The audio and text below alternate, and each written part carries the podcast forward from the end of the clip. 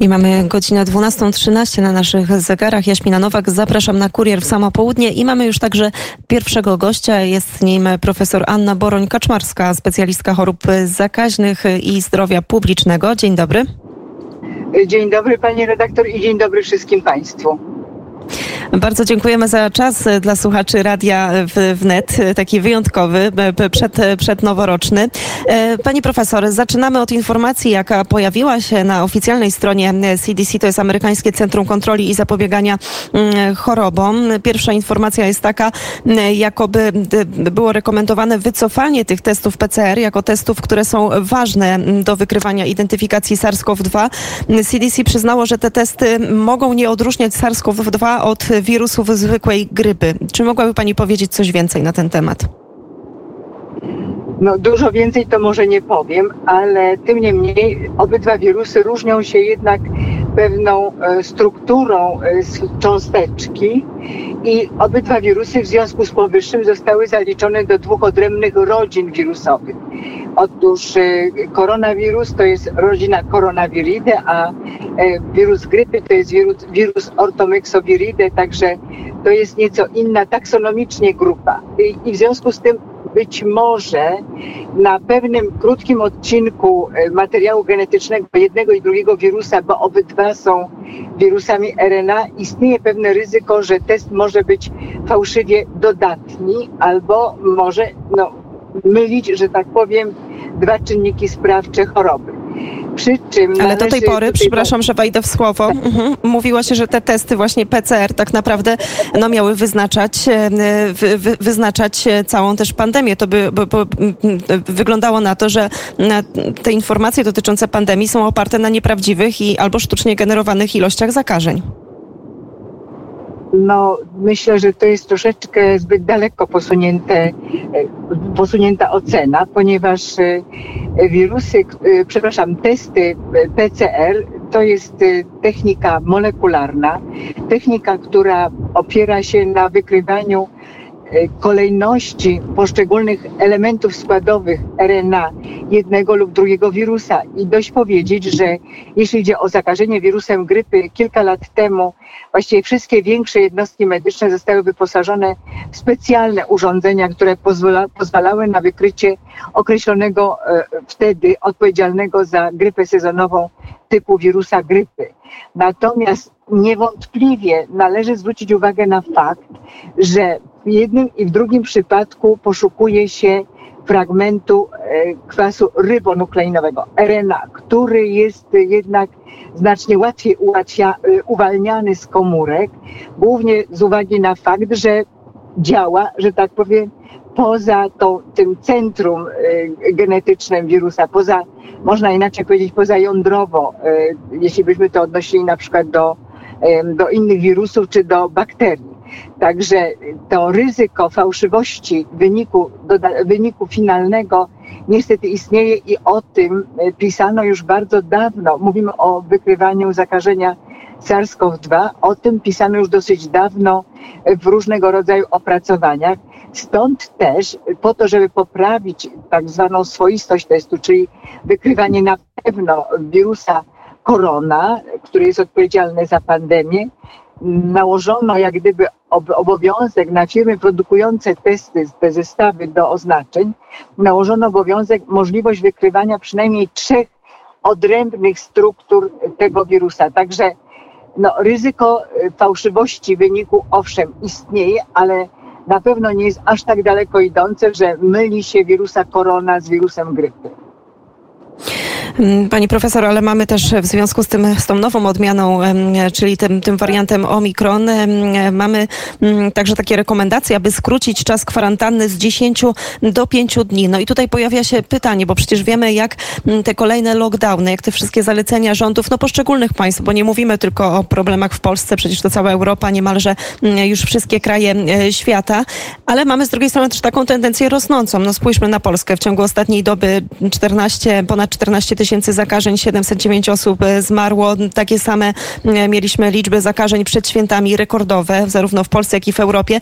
Pytanie, czy niemal po dwóch latach od początku tej pandemii my nie jesteśmy dalej niż bliżej, żeby z nią wygrać, a jeżeli tak jest, to czy, czy, czy może ta dotychczasowa polityka się po prostu nie sprawdza? No Pani redaktor, tutaj są e, w tym, w tym problemie, który Pani teraz podjęła, to jest kilka bardzo istotnych zagadnień. Pierwszy to jest w ogóle e, istnienie pandemii i jej ewentualne wygasanie. No niestety tak się składa, że pandemia cały czas istnieje i z pandemią no, nie możemy sobie na razie w sposób taki jednoznaczny poradzić, głównie ze względu na fakt, że po pierwsze, że po pierwsze e, wszyscy, no nie wszyscy, ale wie, mieszkańcy wielu zresztą krajów świata niedostatecznie starannie przestrzegają tych podstawowych zasad chronienia się przed zakażeniem. Mówię tutaj głównie o maseczkach, o których bardzo wiele się mówi, pisze i przypomina i tak dalej, i tak dalej. I drugi punkt, który jest tutaj niezwykle ważny, to są szczepienia, ich jakość i, i liczba. Otóż y, w krajach, w których y, nawet wyszczepienie sięgało blisko 100%, pojawiły się zachorowania wywołane omikronem.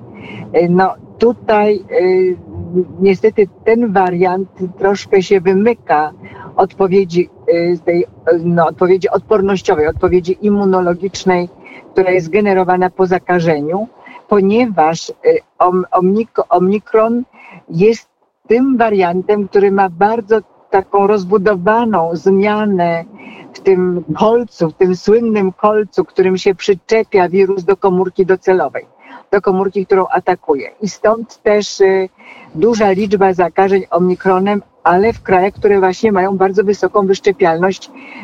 Weźmy, weźmy chociażby jako przykład Wielką Brytanię, wysoką bardzo wyszczepialność y, szczepionkami, które są powszechnie stosowane. I to jest y, drugi taki bardzo ważny, właściwie jednakowo ważny jak te barierowe środki chroniące przed zakażeniem. Co dalej będzie, zobaczymy. Należy zdecydowanie podkreślać i przypominać, że pandemia ciągle trwa, że nie ma sytuacji na razie takiej, aby można było powiedzieć, że pandemia wygasa. W żadnym kraju, nawet jeżeli e, w Islandii powiedzmy sobie jest bardzo niewiele nowo wykrywanych zakażeń i to o ile się orientuję, przynajmniej z moich ostatnich informacji, są to zakażenia spowodowane wirusem Delta, to jednak, jednak są one wśród ludzi, którzy którzy de facto powinni być bezpieczni, to znaczy bardziej zdyscyplinowane społeczeństwo, bardzo wysoki, wysoki poziom wyszczepialności, no ale, no ale jednak należy także pamiętać, że odpowiedź po szczepieniu nie trwa latami.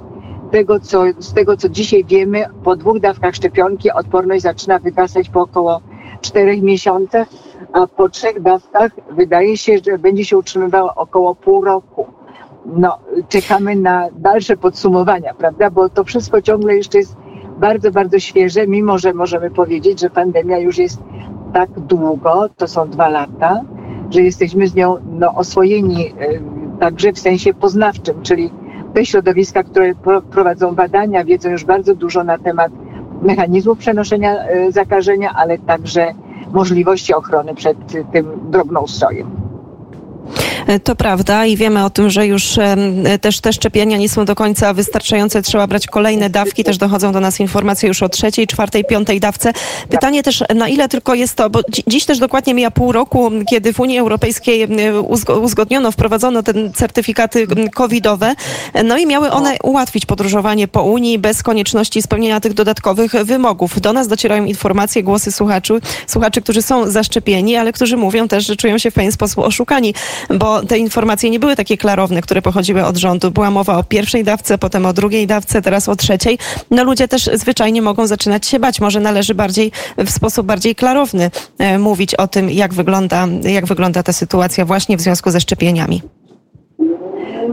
Absolutnie ma Pani rację, Pani redaktor, bo informacje na temat skuteczności szczepień są ciągle, można powiedzieć, niepełne, bo na skuteczność szczepień wpływa bardzo wiele różnych czynników.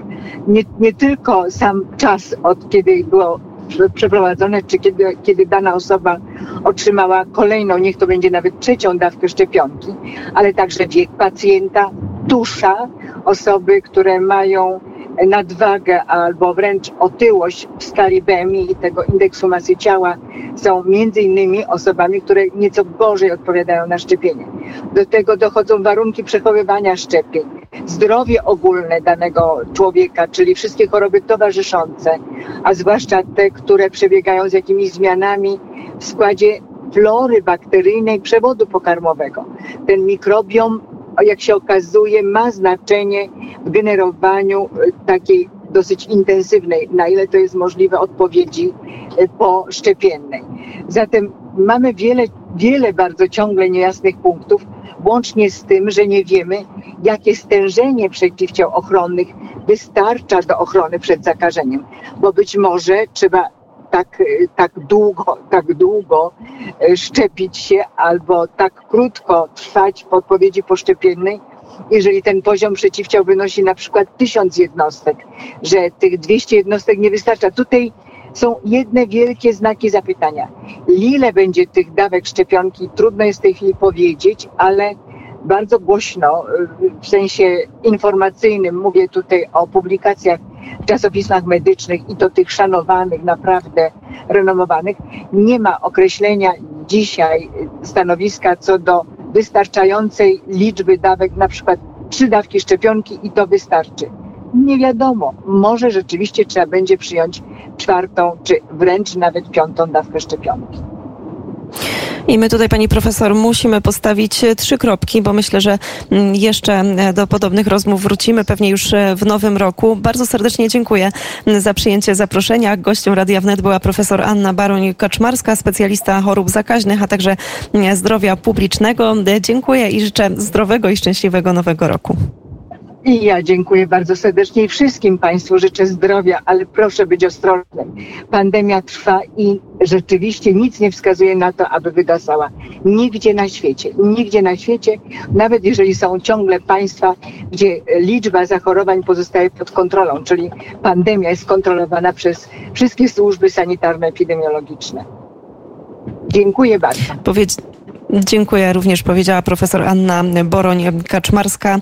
Drodzy Państwo, 25 minut po godzinie 12 to przed nami chwila muzyki, a już za kilka chwil przeniesiemy się do świata bliskowschodniego. To oczywiście Paweł Rakowski. Podsumujemy te najważniejsze wydarzenia polityczne, wydarzenia społeczne, jakie mogliśmy obserwować pewnie w Izraelu, w strefie gazy, w Palestynie, w Iraku, w Afganistanie. To wszystko przed nami już za kilka chwil, ale zanim to nastąpi, to trochę muzyki. Skoro już mm, mimo widma tej pandemii i tych wszystkich przykrych rzeczy, z którymi na co dzień się mm, zderzamy, to mm, pamiętajmy także o pogodzie ducha, o tym, że z każdą chorobą i z każdą pandemią na pewno łatwiej jest się mierzyć i łatwiej jest, jest walczyć o zdrowie, kiedy właśnie ma się też dobre nastawienie. No to może tak przedsylwestrowo Tina Turner, David Bowie, utwór Tonight, a my wracamy już za kilka chwil.